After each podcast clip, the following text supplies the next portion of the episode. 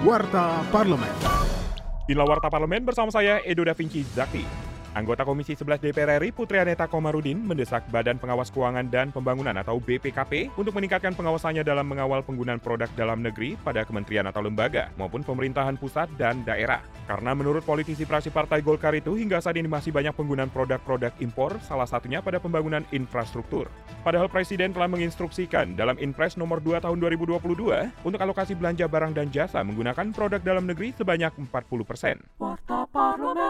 Dalam rapat kerja dan Menteri BUMN, anggota Komisi 6 DPR RI Daeng Muhammad meminta pemerintah melakukan strategi efektivitas terhadap lahan-lahan PT Perkebunan Nusantara atau PTPN yang tidak produktif agar dapat memberikan nilai terhadap ketahanan pangan nasional. Betul-betul dihitung bagaimana produktivitas PTPN kita yang selama ini lahan-lahan itu tidur tidak produktif dikembangkan menjadi lahan yang produktif, efisien, dan berkomoditi yang memang bisa menjaga ketahanan pangan kita. Jangan sampai Pak kita produksi CVO terbesar di dunia, tapi yang menguasai bukan negara. Kita hanya bisa eksekusi di atas kertas, tidak mampu melakukan eksekusi di lapangan karena nggak punya barang. Nah langkah-langkah itu sebetulnya yang harus dilakukan oleh Kementerian BUMN untuk mensupervisi BUMN kita agar punya pemetaan terhadap langkah-langkah yang harus dilakukan ke depan. Kinerja Wakil Rakyat simak di media sosial DPR RI.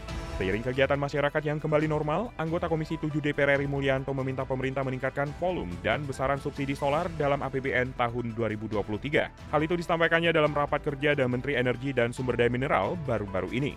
Menurut politisi praksi PKS itu, untuk menyesuaikan dengan kenaikan ICP atau harga minyak mentah Indonesia yang menyentuh angka di atas 100 US dollar per barel, maka perlunya kehadiran negara dengan memberikan subsidi terhadap BBM solar yang tepat sasaran. Televisi Radio Parlemen. Demikian Warta Parlemen, Produksi TV dan Radio Parlemen. Biro Pemerintahan Parlemen, Sekjen DPR RI.